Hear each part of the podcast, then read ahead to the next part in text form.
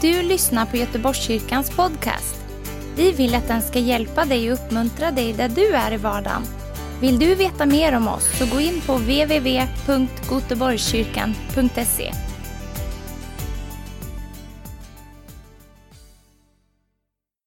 Ja, Fader, vi bara tackar dig för den här stunden. Tack att vi får lova dig och ära dig och upphöja ditt underbara namn.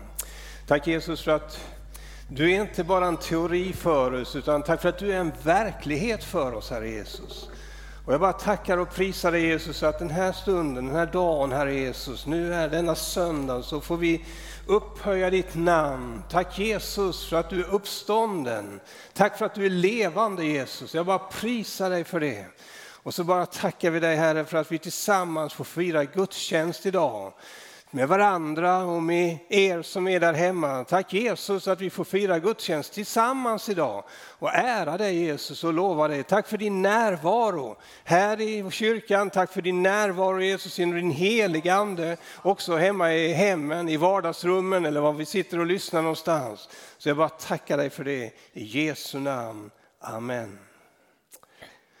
Vi håller ju på predikar här på söndagarna från eh, Johannes evangeliet och jag ska fortsätta göra det idag. Och eh, jag hamnade vid Johannes evangeliet det sjätte kapitlet, de första 15 verserna. Och eh, där står det om när Jesus han bespisar 5000 män. Och vi ska läsa det tillsammans.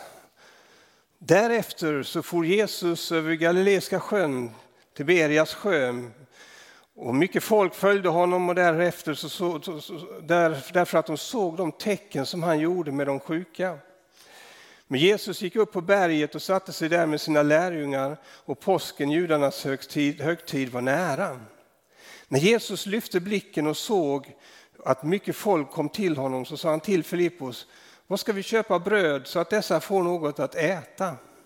Då sade han för att pröva honom, ty själv visste han vad han skulle göra. Filippus svarade, bröd för 200 denarer räcker inte för att alla ska få ett stycke var. Och en annan av hans lärjungar, Andreas, Simon Petrus bror, sade till honom, här är en pojke som har fem kornbröd och två fiskar. Men vad föreslår det så till så många?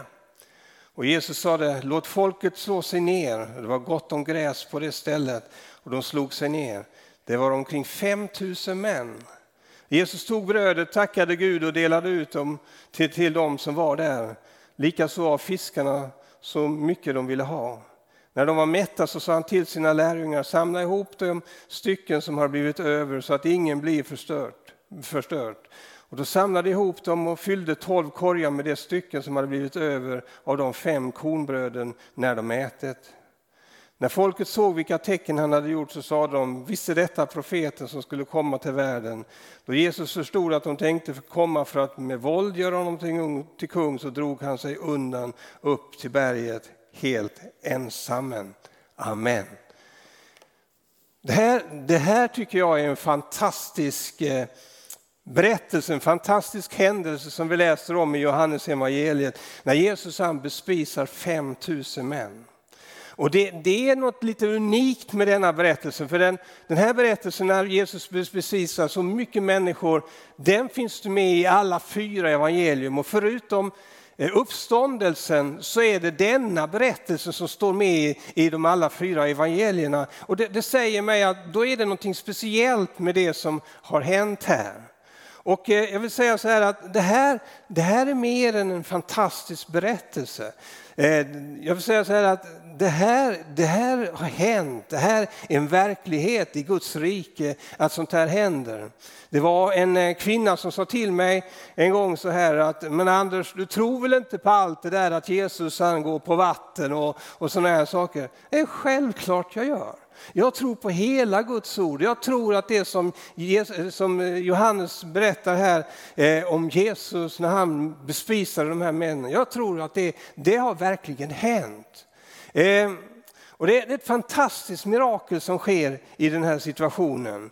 Eh, det här, det här kan man säga, det, det är det, liksom det största miraklet som vi läser om, alltså det största offentliga miraklet som vi läser om att Jesus han gjorde. Och när vi läser om, om den här händelsen i både Matteus, Markus, och Lukas och Johannes så, så får vi liksom en bredare bild om vad verkligen som hände. Och då, då, ser vi så att förutom fem, ungefär 5 000 män så var det kvinnor och barn med också. Så om man tittar i antal så var det i alla fall i alla fall minst 15 000, troligtvis mer människor samlade vid den här stunden när Jesus han, när Jesus han gjorde det här bröd och fiskundret. Över 15 000 människor på en enda gång. Och det som är så unikt det var det här att de här 15 000 männen och, och kvinnorna och barnen, de bara såg inte på när det, Gud gjorde under, utan de var, blev också delaktiga av det mirakel som hände när, när Jesus, för att de såg Eh, de såg när, när, när pojken kom med de fem bröden och, korn och, och, fiskar och två fiskarna. De såg hur Gud, eller Jesus välsignade brödet. De såg när lärjungarna tog de fem bröden och två fiskarna och började dela ut när man hade satt dem i grupper och delade ut. De såg på något sätt hur det här förökades i lärjungarnas händer. Så det var liksom ett offentligt, ett, det största mirakel som, som flest människor var med och såg samtidigt. Och på det sättet så, så var det unikt. Eh, så att, eh, och, eh, efteråt så man kunde äta till man blev, så man blev mätta, mättade och man kunde till och med samla ihop tolv korgar över efter att man gjort det. Så det måste ha varit en fantastisk upplevelse för denna stora skara, dessa tusentals människor. Men den här berättelsen, jag skulle vilja ta vissa saker som den här berättelsen kan lära oss. Och det finns säkert väldigt mycket, men det första jag vill visa, visa dig med den här berättelsen, eh, det är det att för mig så visar det här först vem Jesus är. Eh, om det räcker att du går tillbaka till Johannes kapitel 5, kapitlet innan, så läser du den 36 versen där så står det, och då läser jag från Handbok för livets översättning. Se på de under som jag gör. Min far har gett mig i uppdrag att göra dem och de bevisar att han har sänt mig.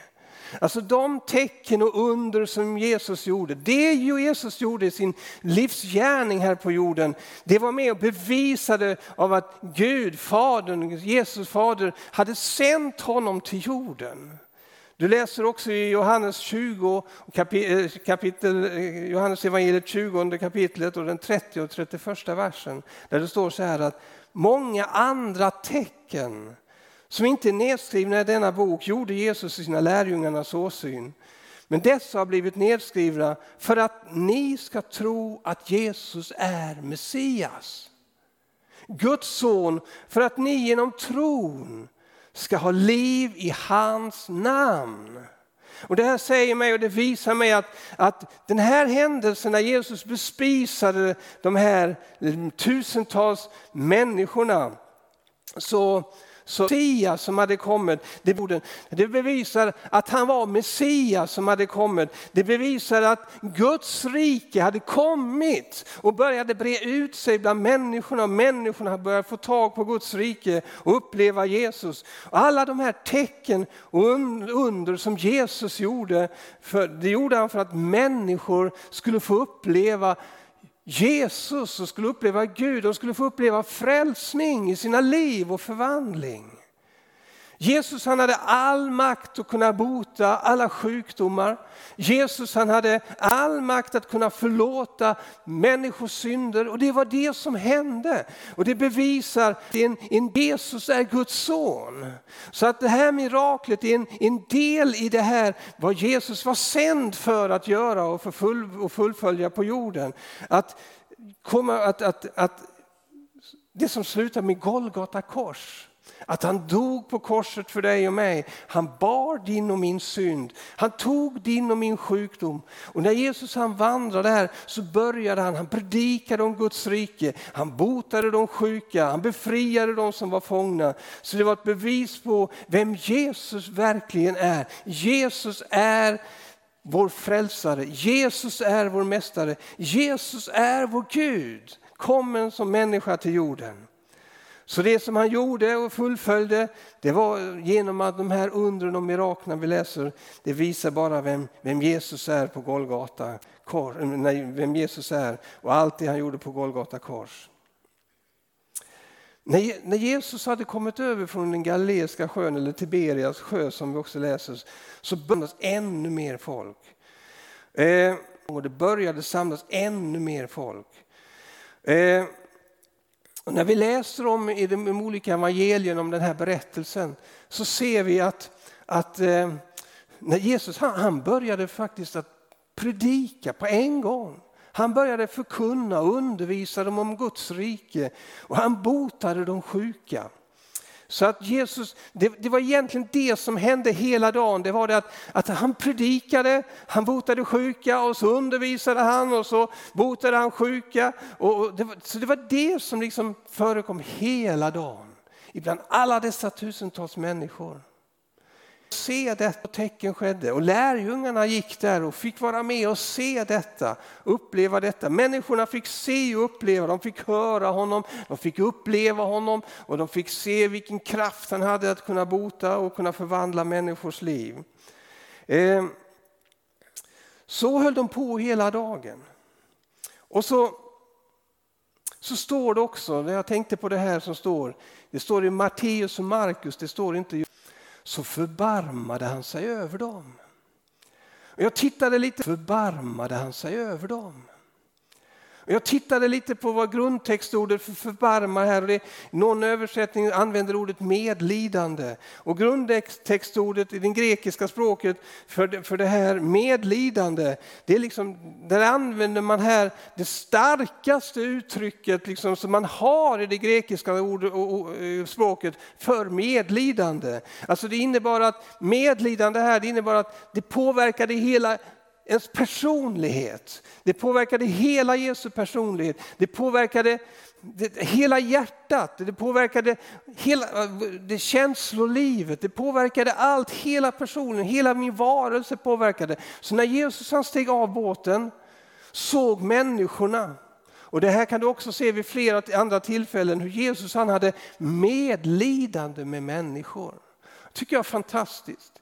Jesus han har medlidande med oss människor.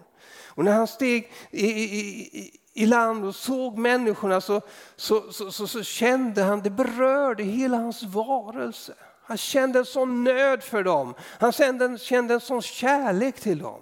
Och den engelska översatt, översättningen så står det så här att Jesus han var, han was moved with compassion. Det betyder att han blev berörd av medlidande. Det är så starkt. För Jesus han har en sån kärlek till människor. Och Jesus han har en sån kärlek till dig idag. Så på samma sätt som Jesus hade en sån kärlek och en sånt medlidande med människor så har Jesus en sån känsla för dig idag min vän. Där du sitter och lyssnar, där du är med oss i det här i vår gudstjänst idag. Så du har, Jesus han älskar dig så oerhört mycket. Han har en sån känsla för dig och ditt liv och han, han bryr sig om dig. Han har medlidande för dig och han vill ingenting annat än att vara med och ge dig liv och hälsa och kraft. Och eh, det var det han gjorde. Det var därför han började förkunna om Guds rike. Det var därför han botade de sjuka och så vidare. Så att eh, Jesus han visar dem hela dagen vägen till liv, vägen till hälsa, vägen till kraft och så vidare. För Jesus han brydde sig verkligen om deras andliga tillstånd och kroppsliga tillstånd. Men det var inte bara det. Jesus brydde sig verkligen om det.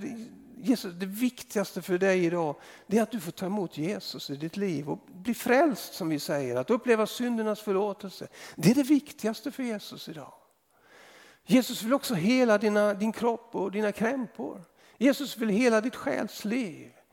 Och så här, så Jesus han är, han är fantastisk på det. Det var därför han dog på korset. Han bar all din synd och all din sjukdom. Men Jesus han brydde sig om mer än så. Eh, I det här ser vi också att han ser till våra dagliga behov. Och det är skönt liksom att på något sätt att Jesus inte är bara en som är med oss i de här stora frågorna kanske. Hur vi, att vi får evigt liv, för det, det, är fantastiskt. Vi får evigt liv i Jesus. Utan han bryr sig faktiskt om hur jag har det varje dag i min vardag. när måndagen kommer, tisdagen och onsdagen kommer. Så när, när det börjar närma sig kvällen så vänder sig till Jesus till sina lärjungar och till Filippos i första hand, det här läser vi i vers 5. Och så frågar han Filippos så här, Filippos vad ska vi köpa bröd så att dessa får något att äta? Jesus han hade ju sett och tyckt liksom fantastiskt, här har de varit med oss hela dagen. Det är klart att de är hungriga. Men, mm, så han brydde sig om han brydde sig om också det här vardagliga, de behoven. Vi har behov av mat, vi har behov av kläder och så vidare. Han bryr sig om det. Så han frågar Filippos, eh, liksom, vad ska vi köpa bröd så att de här får att äta? För Jesus han vill också mätta de hungriga utifrån detta perspektivet. Så han frågar sina lärjungar, det var inte det att han inte visste vad han skulle göra, för det är klart han visste vad han skulle göra. Han, han, han, han hade det helt klart för sig, men han skulle pröva lärjungarna lite grann. Han skulle pröva dem. Och eh, Filippos han, han, han, hade ju växt upp i området så han kände ju till det här området. Han, liksom, det var hans hemmaplan. Så att han, han, han visste så att det, nej, men Jesus, det, det, är inte så enkelt det här. Det är inte så enkelt för liksom att, att fixa mat till liksom alla dessa 15, kanske 20 000 människor. Det, det går inte. Det, det, gör det inte. Utan, utan, eh, inte nog med det, utan så säger han, så säger han till dem också så här, så här, men ge ni dem att äta, säger han till dem. Wow, ger ni dem att äta? Ja, men Jesus, det går inte. Det går inte, för vi, vi, fixar inte, vi fixar inte det här. Det går liksom inte att, även om vi skulle göra allt vad vi kunde så skulle vi inte kunna fixa mat. Vi skulle, eh, utan och så började han kalkylera och, och titta och, tog, och han tog säkert upp sin lilla räkneram och så här och liksom började titta, flytta på kulorna och så här. Och så kom han fram till att um, Jesus, inte ens 200 denarer kan fixa mat till alla dessa människor. 200 denarer, det var en förmögenhet, det var ju som 200 dagslöner på den tiden, så det, det var jättemycket pengar. Inte ens det räcker Jesus för att fixa mat till alla de här människorna. Utan de säger de att Jesus, det går inte. Vi får skicka hem dem Jesus, det är mycket bättre. Skicka hem dem till de olika byarna och så här och så, så kan de gå in och så kan de fixa mat själva för att, eh, och så löser vi det på det sättet och, och så är vi klara med detta. Men jag tror faktiskt att Jesus ville lära, lära sina lärjungar någonting. Du vet att vi har så lätt att begränsa Gud. Och liksom vi har så lätt när vi tänker vad Gud kan göra att, att det handlar om, och så tänker vi utifrån våra egna referensramar vad han kan eller inte kan göra. Och många gånger så stannar vi där genom att som lärjungarna, de vill skicka hem dem där och vi skickar hem människor, vi känner att vi, vi fixar inte det här. Det är ju omöjligt. Ändå så tänker jag så här, lärjungarna var ju med hela dagen. De hörde han undervisa, de hörde hur människor tog emot Guds ord. De, hörde hur, hur människor, de såg hur människor blev helade. Hela dagen hade man vandrat i denna tro, i denna fantastiska atmosfär med Jesus och dessa fantastiska, fantastiska mirakel och den här fantastiska undervisningen som de hade hört hela dagen. Då kunde man tänka sig, ja, men Jesus om du kunde göra det här hela dagen, då kan du nog hjälpa oss att fixa det här också. Men inte så inte. Nej, utan, utan det, var, det går inte Jesus, det är omöjligt. Så trots att de hade sett vad Jesus hade gjort under hela, hela dagen så, så kunde de liksom inte få fram det här att det finns en lösning på det här på något sätt. Men genom Jesus så kan vi säkert hitta en lösning på detta också. Så det var omöjligt Jesus, det går inte. Men min vän, det står i Lukas 18 och 27 så här att det som är omöjligt för människor, det är möjligt för Gud. Jag vill att du ska ta med dig den bibelversen, att det som är omöjligt för människor, det är omöjligt för Gud. Det som känns omöjligt för dig i din situation som du lever i, min vän, det är möjligt för Gud att kunna gripa in och förändra och förvandla den situationen som du och jag lever i. För att allt är möjligt för Gud. Allt är möjligt. Jesus har all makt i himlen och på jorden. Så det som är omöjligt för Gud, det är möjligt för Gud. Men så hade ju en av de andra lärjungarna gått omkring och de hade tittat och så hade Andreas, han hade hittat en liten grabb. Han hade lite matsäck från mamma och pappa, eller som mamma hade skickat med honom. Det var fem bröd och två fiskar i den här matsäcken han hade med sig. Och han hämtade honom och så, och så kom han fram med den här lilla grabben och fram till Jesus. Så har det i vers 9 där det står så här att här, vi, vi har en liten grabb här Jesus. Han har med sig lite matsäck från sin mamma. Det är det vi har hittat. Eh, han har fem bröd och två fiskar. Men Jesus, det räcker ju inte till så många i alla fall. Så det går ju inte ändå. Tänk vad vi har lätt att fixera oss vid det lilla. Att det, det vi inte har. Jag har så lite och därför går det inte. Eller det lilla vi har, det räcker inte.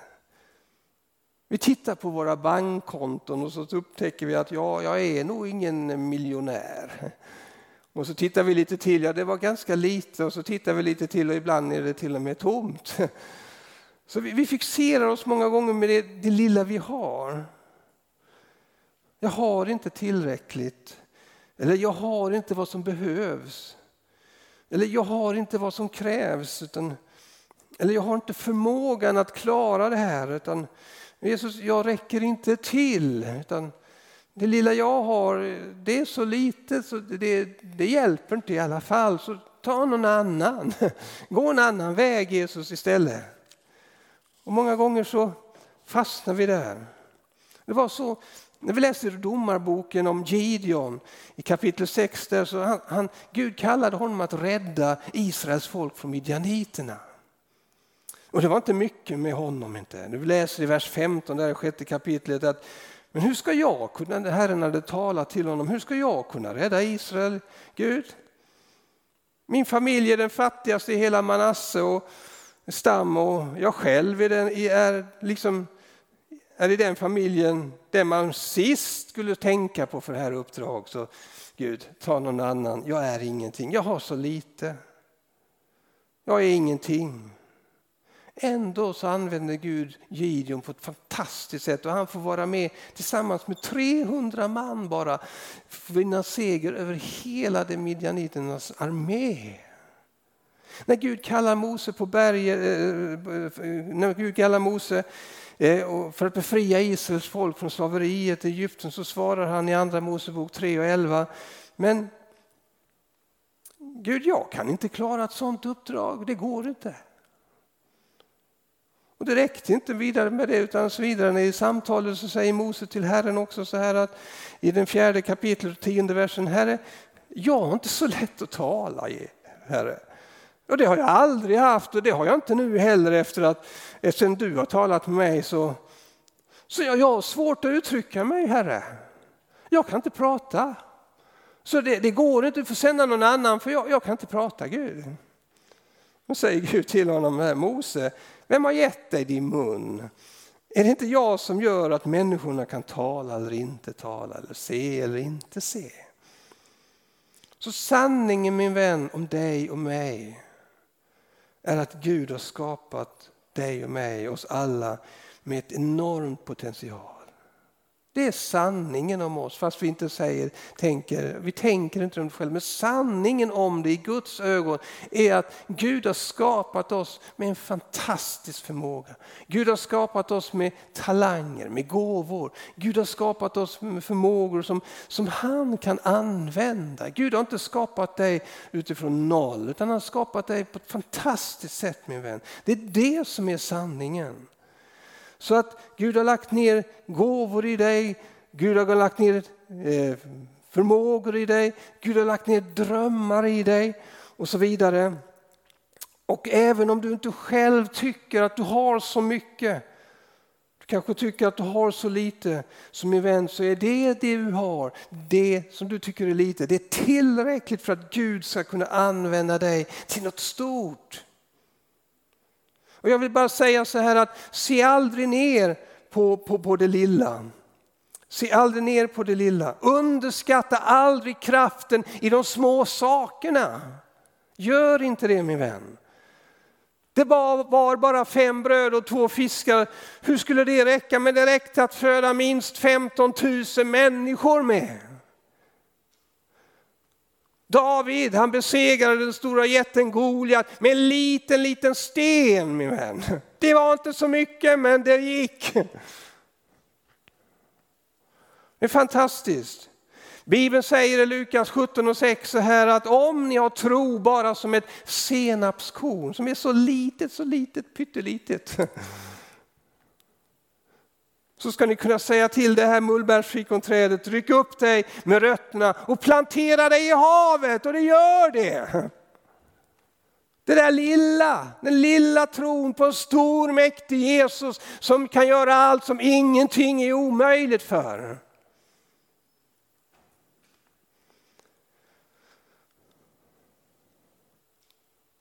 Gud kan använda det lilla du har till att göra något stort och mäktigt. Gud kan använda dina små ord. Gud kan använda dina små gåvor. Gud kan använda dina talanger. Så min vän, jag vill bara här avslutningsvis ställa dig frågan. När Herren frågade När Herren frågade Mose i det här samtalet så, så frågade Herren honom Mose, vad har du i din hand? Mose tänkte liksom, ja, jag har en, ja, jag har en stav, en herdestav. För han var ju herde, fåraherde. Det är inte så mycket, den har jag när jag hjälper till med fåren och ser till att slå undan lite ormar och kanske ser till att de samlas. Och så här. Herdestaven den, den, den är viktig men den är inte så mycket. Så sa Herren till honom, Kasta den på marken, sa han. Så kastade han den på marken, så blev det en orm. Ta, ta ormen i skärten, sa han.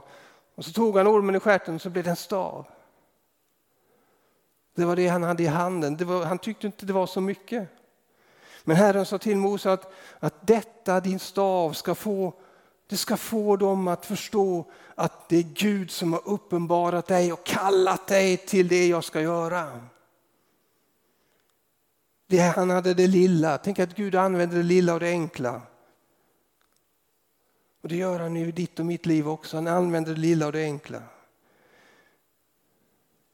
Tänk att det låg en sån makt i Moses herdestav som var så enkelt när den förvandlades till Guds stav.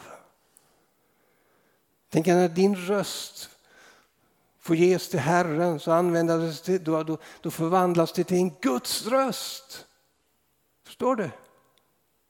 När din handling som du gör lite enkelt förvandlar det till en Guds handling. Gud använder den lille pojkens fem bröd och två fiskar på ett fantastiskt sätt. Det var det som pojken hade i sina händer. Så min vän, frågan är, vad har du i dina händer? Det är min fråga till dig idag. Vad har du att ge till Herren som han kan, som han kan vara, vara, använda och vara med och göra precis på samma sätt som när han välsignade brödet och fiskarna och mättade de minst 15 000 människorna med. Vad har du i din hand som Gud kan vara med och välsigna och multiplicera till välsignelse för människor? En vanlig röst, en förmåga att kanske kunna skriva en hammare, en förmåga att snickra. En sopkvast, förmåga att städa. En pensel, förmåga att skapa. Ett instrument, ett förmåga att musicera. En handling som leder till välsignelse till någon, till frälsning för någon. Men du har något. Och vad det egentligen i grunden faktiskt handlar om det är att du och jag först ska ge hela våra egna liv till Jesus. Och utifrån att vi ger honom oss själva i första hand så kommer Gud att använda dem som du och jag tycker kanske lite små förmågor, talanger, drömmar som vi har till att göra någonting stort av. Så det handlar om att ge, sig, ge sitt liv till människor. Och när du kommer överlåten till Jesus, då kommer han att börja tala till dig. kommer att börja använda dig. Och när du i tro går på det som Gud har sagt, precis som när lärjungarna hade varit med och sett och upplevt att han välsignade brödet, så tog de dem med sina händer, fem två brödfiskar. Så delar de upp dem i 50-50. Kan du tänka dig tanken när de går fram till första gruppen på 50 personer med som en liten brödbit och en liten fiskbit. Ja, men de gjorde det. Och så plötsligt händer det någonting när de går i tro på vad Jesus har sagt. Plötsligt så börjar det generera mer, mer, mer. Och jag tror att när de har gått igenom den första gruppen och sett att det gick ju, halleluja. Så när de gick till andra gruppen då var de lite mer frimodiga. Så tror jag Petrus när han kom till den tredje, fjärde gruppen så sa han, här ta för er, det finns hur mycket som helst, det är bara att äta. Amen. Och så är det när du och jag går med det lilla vi har, så börjar Gud använda det. Han kommer att fylla dig med din heliga Ande. Han kommer att ge dig kraft, han kommer att ge dig ledning, han kommer att generera någonting som du har i dina händer så att det multipliceras och blir till välsignelse, till frälsning och räddning för människor. Så min vän, vad har du i dina händer? Tack för att du har lyssnat. Dela gärna podden med dina vänner och glöm inte prenumerera. Om du har frågor eller vill att vi ska be för något så mejla oss på info På söndagar har vi veckans höjdpunkt. Då firar vi gudstjänst tillsammans och det vore så kul att träffa dig där. Men vi har även samlingar för barn då? Gå in på vår hemsida goteborgskyrkan.se så får du veta mer. Välkommen till oss!